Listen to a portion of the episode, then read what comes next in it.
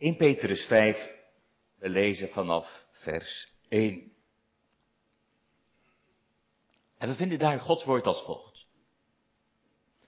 De ouderlingen onder u roep ik ertoe op als mede-ouderling en getuige van het lijden van Christus en deelgenoot van de heerlijkheid die geopenbaard zal worden. Hoed de kudde van God die bij u is en houd daar toezicht op, niet gedwongen maar vrijwillig, niet uit winstbejag maar bereidwillig, ook niet als mensen die heerschappij voeren over het erfdeel van de Here, maar als mensen die voorbeelden voor de kudde geworden zijn. En als de opperherder verschijnt, dan zult u de onverwelbare krans van de heerlijkheid verkrijgen. Evenzo jongeren, wees aan de ouderen onderdanig. En wees allen elkaar onderdanig. Wees met nederigheid bekleed, want God keert zich tegen de hoogmoedigen. Maar de nederigen geeft hij genade. Verneder u dan onder de krachtige hand van God, opdat hij u op zijn tijd verhoogt. Werp al uw zorgen op hem, want hij zorgt voor u. Wees nuchter en waakzaam, want uw tegenpartij de duivel gaat rond als een brullende leeuw op zoek naar wie hij zou kunnen verslinden. Bied weerstand aan hem, vast in het geloof, in de wetenschap dat hetzelfde lijden ook aan al uw broeders in de wereld opgelegd wordt. De God nu van alle genade, die ons geroepen heeft tot zijn eeuwige heerlijkheid in Christus Jezus. Hij zelf mogen u na een korte tijd van lijden toerusten, bevestigen, versterken en funderen. Hem zij de heerlijkheid en de kracht in alle eeuwigheid. Met de hulp van Sylvanus, die voor u naar ik meen een trouwe broeder is, heb ik met weinig woorden geschreven, u aangespoord en betuigd dat dit de ware genade van God is, waarin u staat. U groet de mede gemeente die in Babylon is, en Marcus mijn zoon. Groet elkaar met een kus van de liefde. Vrede zij u allen, die in Christus Jezus bent. Amen. De tekst voor de preek is vooral het eerste stukje van vers 2. Hoed de kudde van God. En dat is meteen ook het thema voor de preek. Hoed de kudde van God. Hoed de kudde van God. Dat is de tekst. In Petrus 5 vers 2. Het is ook het thema voor de preek. Gemeente, een herder zorgt voor de kudde. En jongens en meisjes, jullie weten ook wat een herder is. Soms zie je ook wel hier in de bossen of iets verder weg bij Ede op de heidevelden schapen lopen, een schaapskudde met een herder. Een herder en zijn kudde. En goed beschouwd in de kerk, wie is daar de herder? Ten diepste is dat er maar één. Dat is de Heere Jezus zelf. Hij zegt het ook. Ik ben de goede herder. En de goede herder geeft zijn leven voor de schapen. En Petrus noemt hem hier de opperherder in vers 4. Dus het gaat ten diepste om hem. Maar die opperherder heeft om zo te zeggen heel wat onderherders in dienst.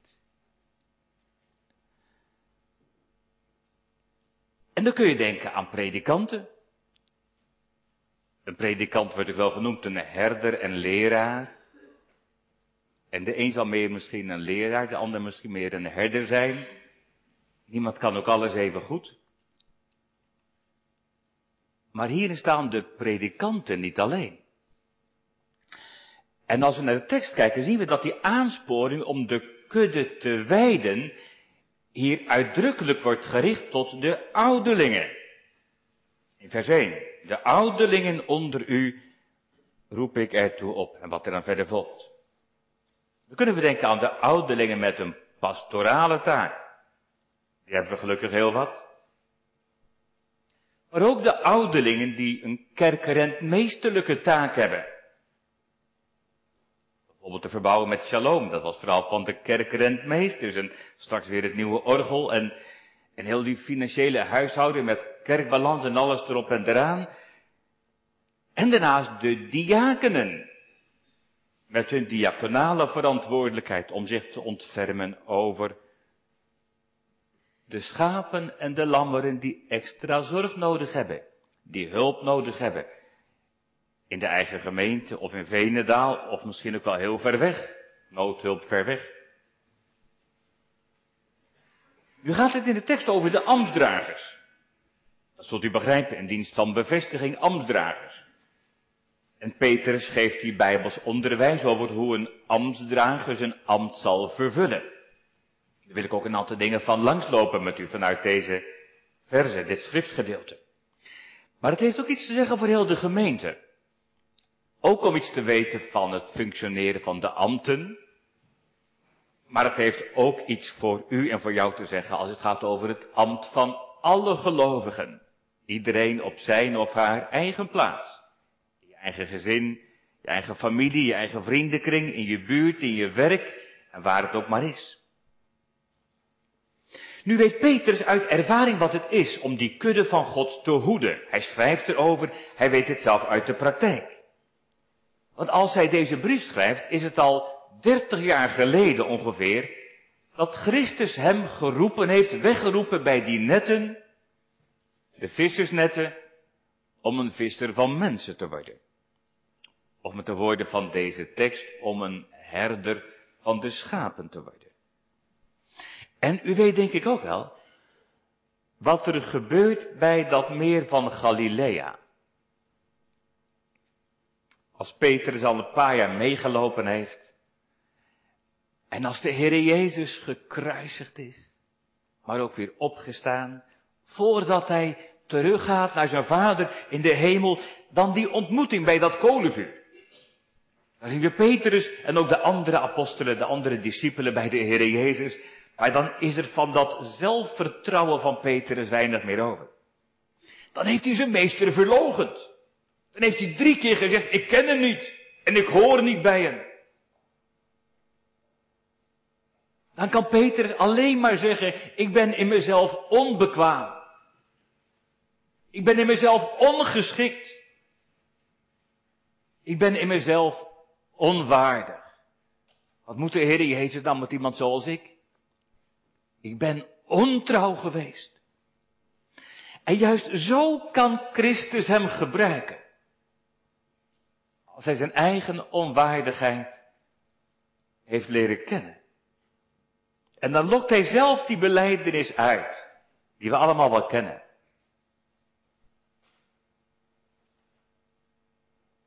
Heere, u weet alle dingen.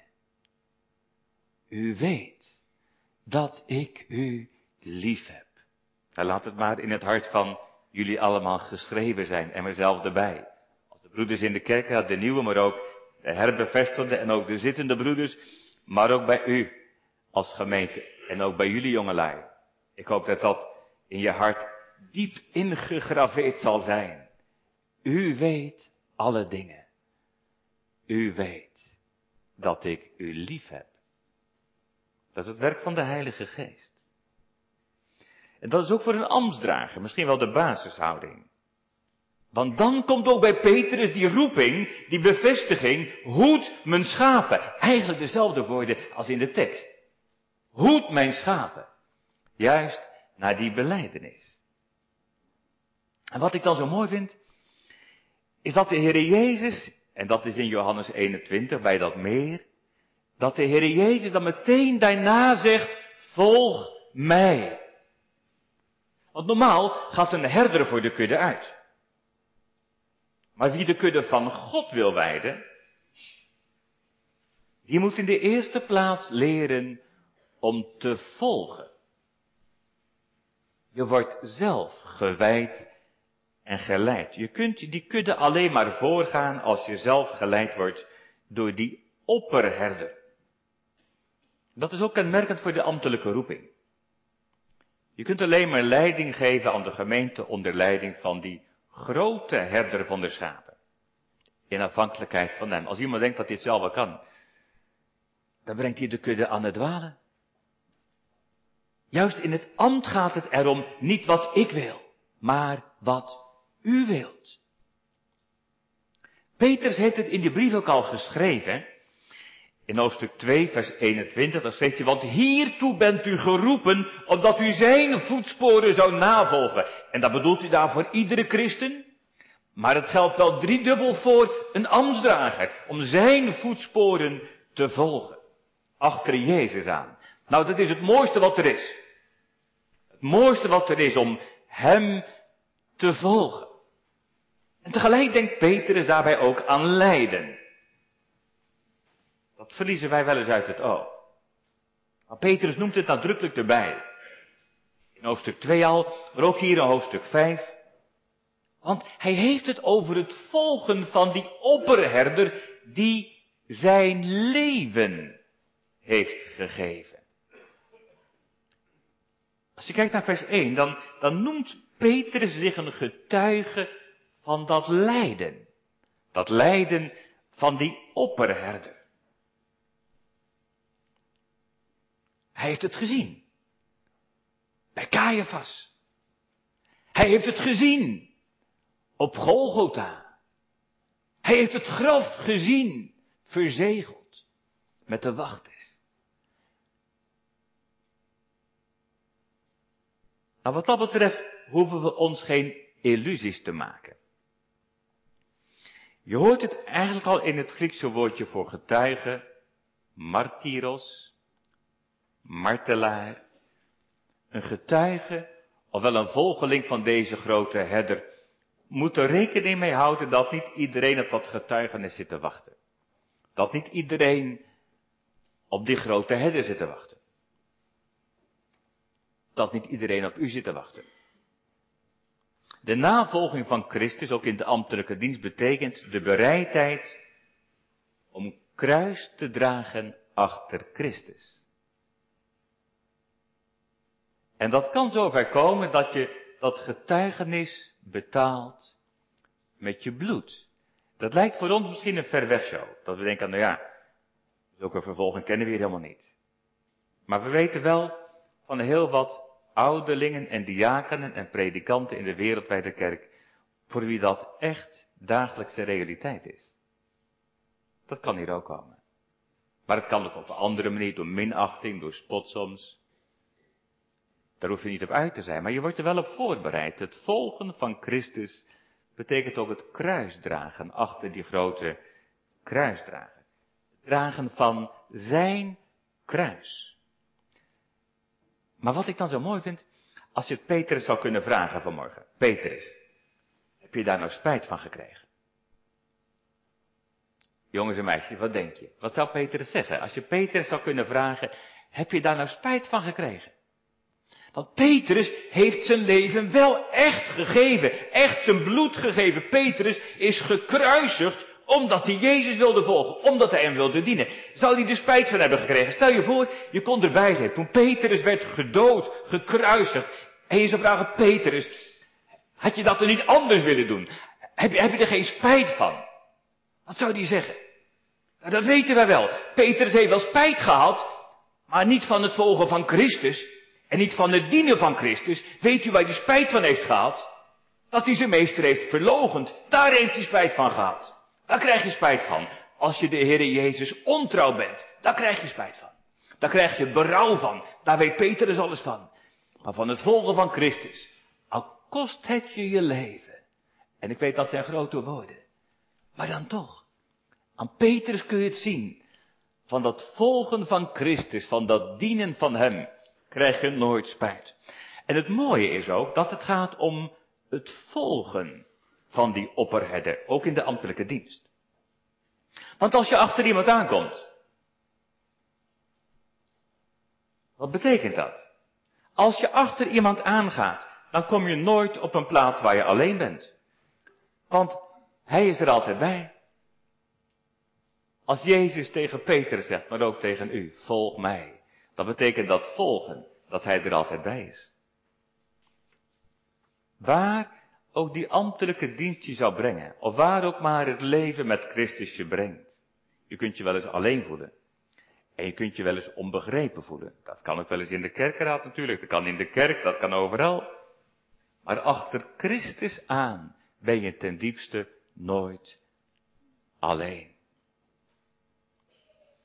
Wat me ook zo opviel is dat Petrus nadrukkelijk schrijft dat die gemeente van God is. Vers 2.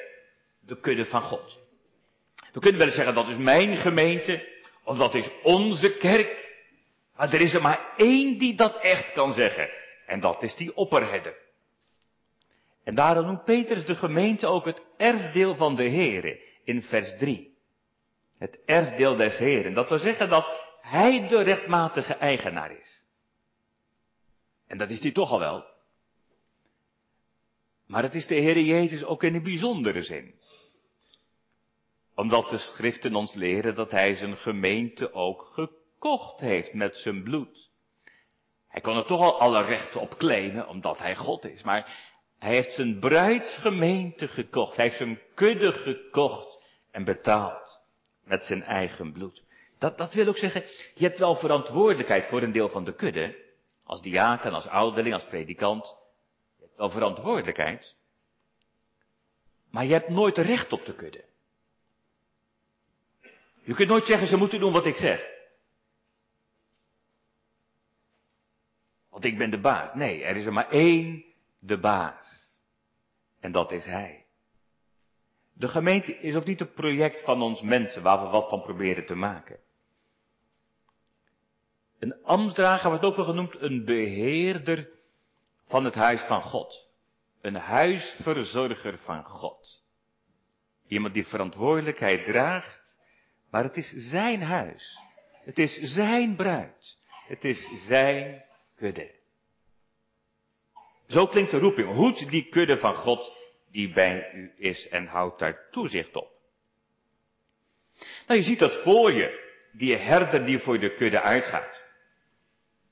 Die herder die de schapen leidt naar de grazige weiden van het woord. Die herder die zorgt voor geestelijk voedsel. Dat doet natuurlijk vooral die opperherder. Want waar komt die Bijbel vandaan? Die heb ik niet geschreven. En de kerkenraad ook niet. Die hebben wij van de opperherder gekregen. En die heeft hij ook letterlijk verzegeld. Met zijn bloed. Daarvoor is het woord ook vlees geworden. En de predikant mag het verkondigen. Dat is ook een groot voorrecht. Dat is ook wel eens een zware last. Daar zucht ik ook wel eens onder, maar dan denk je, je moet je schamen. Wees dankbaar dat je het mag doen. Om dat evangelie te verkondigen. De bediening van de verzoening. Dat heilsgeheim van God. En een ouderling opent datzelfde evangelie als hij op huisbezoek gaat. Je luistert naar de mensen, maar je opent ook samen het woord.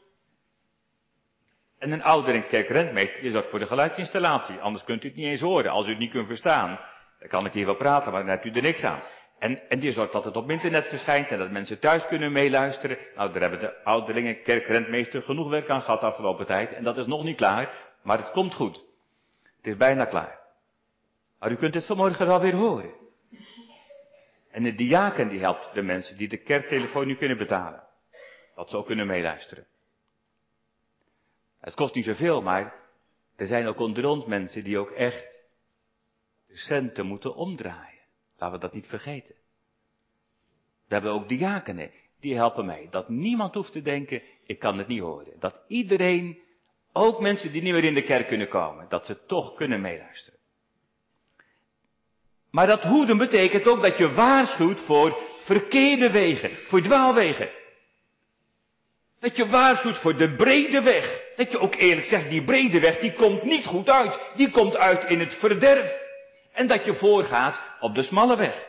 Want je wilt niet dat de kudde verdwaalt. Je wilt niet dat het kleinste lammetje omkomt. Je wilt ook dat het kleinste kind behouden wordt. Soms moet je waarschuwen in de preken. Of op een huisbezoek. Of gewoon in je eigen gezin. Vergeet dat ook niet. Op welke plek je ook maar geroepen bent, waarschuwen voor gevaarlijke wegen. Soms moet je ook vermanen. De kerkelijke tucht. Als iemand wil is en weet dus een verkeerde weg kiest. Misschien oneerlijke zaken doet. Of een zondige levensrelatie begint. Of zich overgeeft aan het kwaad. Dat is niet vermanen om met het vingertje maar te wijzen. Maar uit liefde. Want je wilt niet dat die ander verloren gaat. Je hebt die ander niet over voor de brede weg. Een herder is geroepen om te waken over de kudde. Want er is gevaar, niet alleen van dwaalwegen, maar ook van een vijand. Daar schrijft Petrus ook over, in vers 8. Dan heeft hij het over die, die brullende leeuw, die tegenpartij, de duivel. Die zit ook niet stil, ook vanmorgen niet, maar ook de komende tijd niet. Daar hebben we mee te maken. Die duivel die altijd uit is om het werk van God te verstoren, om die kudde uiteen te drijven, om het werk van God te verwoesten. En die vijand heeft het vooral voorzien op de jonge lammeren, op onze jonge lui, op onze kinderen. En daarom wees waakzaam. Wees waakzaam. Opletten, ook als we iemand missen in de kerk. Dan kan ik, ik, alleen natuurlijk niet allemaal in de gaten houden, maar we zitten niet met elkaar. Dat u oplet als er iemand verdwijnt. Waar is die gebleven? Komt die nog wel? Is er wat aan de hand? Contact zoeken. Iemand aansporen. Proberen ze bij de kudde te bewaren. Het hoeden van de kudde betekent ook oog hebben voor de noden van de kudde. Denk aan de pastorale zorg van een ouderling. Maar ook de diakenen. Ik vind het mooi dat het formulier ook spreekt over die troostvolle redenen van de diakenen. Als ze diaconale hulp en ondersteuning geven. Maar ik noem ook vanmorgen het meeleven met elkaar in de gemeente. Ik hoor nogal eens van mensen die ziek zijn. Dan zeggen ze, ik krijg zoveel kaarten uit de gemeente. En dan zeggen ze, ik weet niet eens wie het is. Maar dan zeggen ze altijd erbij dat het zoveel goed doet. Vooral met een mooie tekst erop. Of als ze zeggen, ik zal voor u bidden. En als je de moeite neemt een kaartje te schrijven, dan vergeet je het vaak ook niet zo gauw om, om, om mee te bidden. Het meeleven, het, ook het meebidden, het meestrijden in de gebeden, in dagen van vreugde, maar ook van rouw en van zorgen en ziekte. En, en, en in het bijzonder ook de geestelijke noden. Hoe staat het er geestelijk voor met de kudde? Hoe staat het eigenlijk met het geestelijk leven? Hoe staat het eigenlijk met de relatie met God? Bij de jongeren en bij de kinderen en bij de ouderen. Ken je God wel of niet? Of, of, is het alleen maar, ja, ik heb altijd in de kerk gezeten, dat hoort er gewoon bij. Of, of wordt je hart wel eens warm van liefde van Hem? Ben je wel eens verbroken over de hardheid van je hart? Dat je leeft met Jezus. Oog en hart voor de kudde. Dat is roeping voor de ambtsdragers. En ook voor ieder gemeentelid. We moeten ook niet doen alsof het in de kerk alleen maar onnozele schapen zijn en een paar mensen die weten hoe het zit. Dat staat nergens in de Bijbel. En de schapen in de kerk zijn ook, ook echt niet altijd zulke, zulke gewillige schapen. Er zijn ook eigenzinnige schapen, er zijn eigenzinnige herders. U hebt ook uw eigen verantwoordelijkheid. Als iemand naar de dokter wil, dan weet hij hem vaak wel te vinden. Nou ja, dat is met de ambtdragers toch ook. Hè? Als er pastorale hulp nodig is, dan weet u ons ook wel te vinden. En laat het ook maar zo zijn.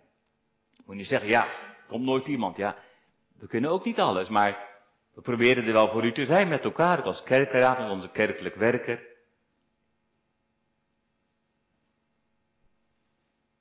En neem ook uw eigen verantwoordelijkheid. Op uw eigen plekje. Omzien naar elkaar. Oog en hart voor elkaar. Hoed die kudde van God. De ambtsdragers. Maar ik zei al, ook het ambt van alle gelovigen. Dat vergeten we niet.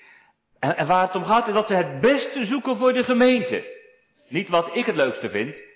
Of dat ieder zijn eigen speeltje wil ontwikkelen. En de een wil dit en de ander wil dat. Komen we er nooit uit. Maar dat we het beste zoeken voor de kudde. Niet mijn eigen verlanglijstje. Maar wat is nou dienstig voor de kudde? Voor het geestelijk welzijn van de kudde. Wat is nu werkelijk nodig? En laat er allermeest het gebed zijn. Dat zeggen we zo makkelijk. Maar hoe langer ik predikant ben. En dat is nog niet zo heel lang hoor. Maar, maar hoe langer dat is, hoe meer ik ervan overtuigd raak dat dat, dat dat wel het belangrijkste werk is. In de ambtelijke dienst, maar ook in de kerk. Het gebed. In de persoonlijke omgang met God. Maar we kunnen voorbeden voor de gemeente en voor de kerk. Want wij zeggen wel, we moeten het van God hebben. Maar de beste manier waarop dat zichtbaar wordt, is hoe we dat gestalte geven in het gebed. Daarmee zeggen we eigenlijk, ik kan het niet en ik weet het niet, maar u wel.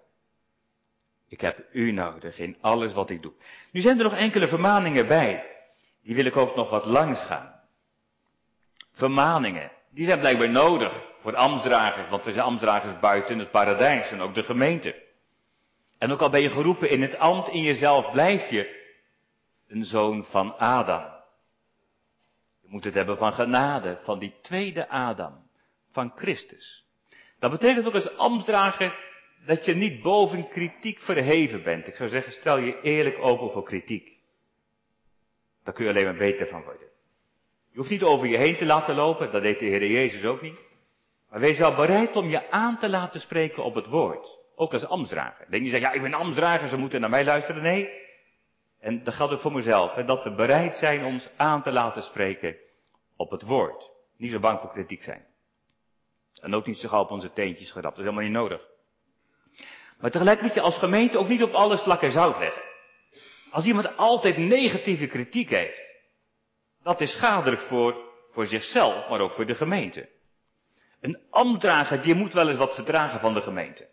En de gemeente moet wel eens wat verdragen van de ambtdrager. Dat besef ik als ambtdrager ook heel goed, dat u ook wel eens wat van mij moet verdragen. En daar heb ik ook veel respect voor, voor de manier waarop u dat doet. Maar, maar allermeest draag elkaar in de gebeden.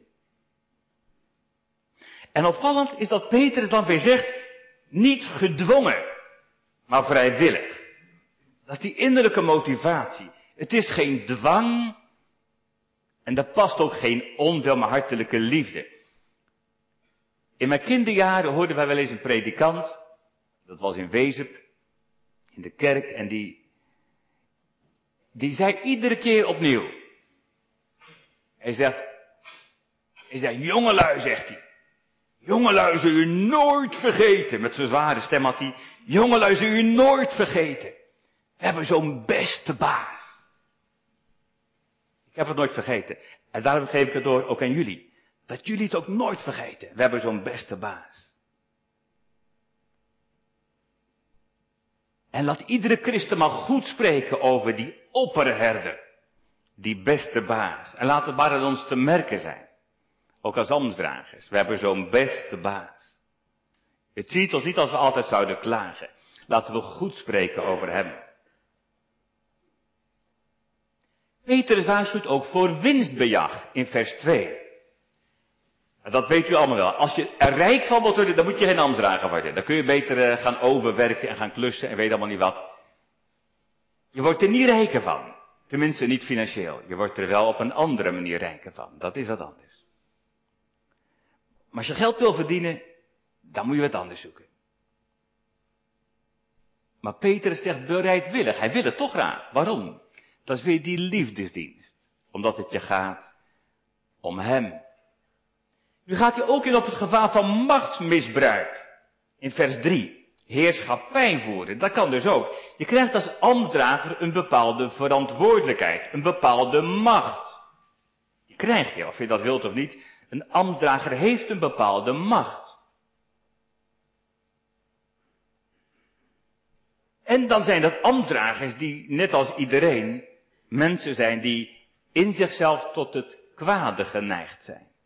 Ook een ambtdrager moet beleiden, uit mijzelf komt geen goed. Dat is gevaarlijk als je macht hebt en toch ook een zondigheid. Dat is niet zo best. Kan dat wel goed gaan? Nou, als het in ons ligt niet.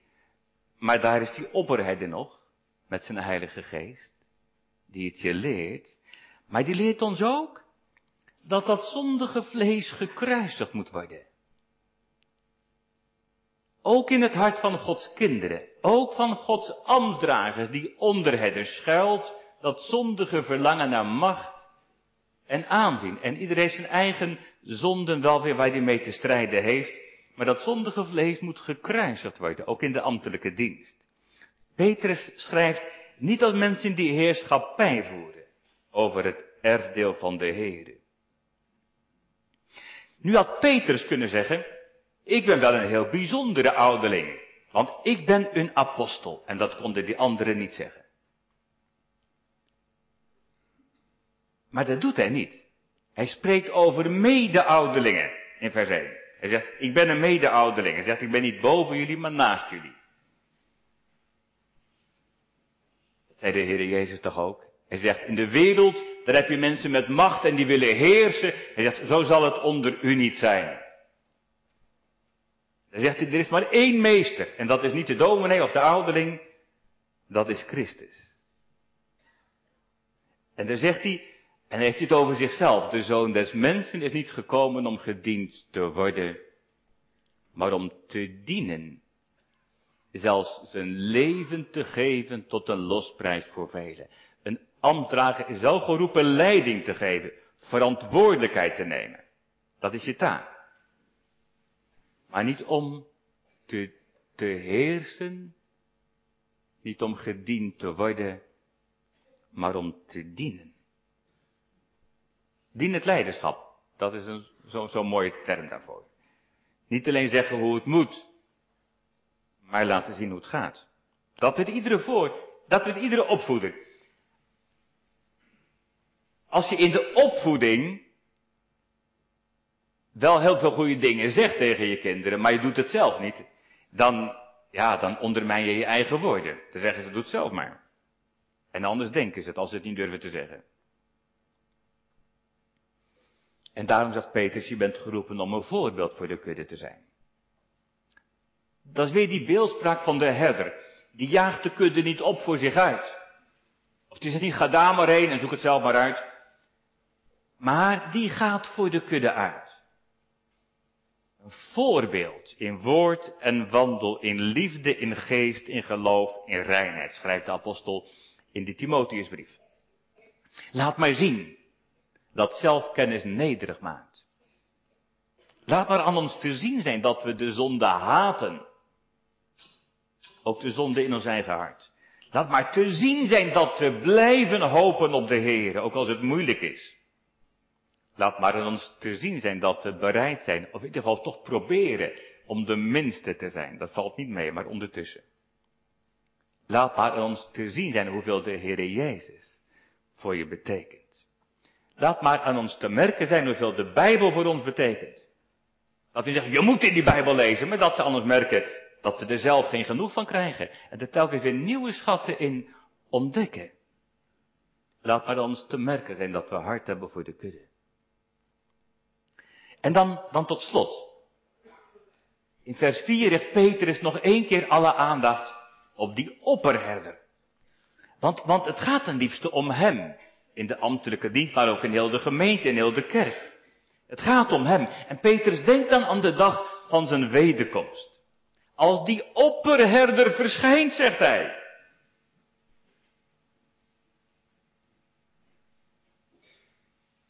Denk je daar wel eens aan?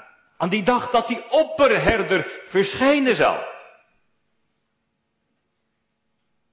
Want die verwachting van zijn komst zet alles wat we hier op aarde wel of niet doen in een heel ander perspectief.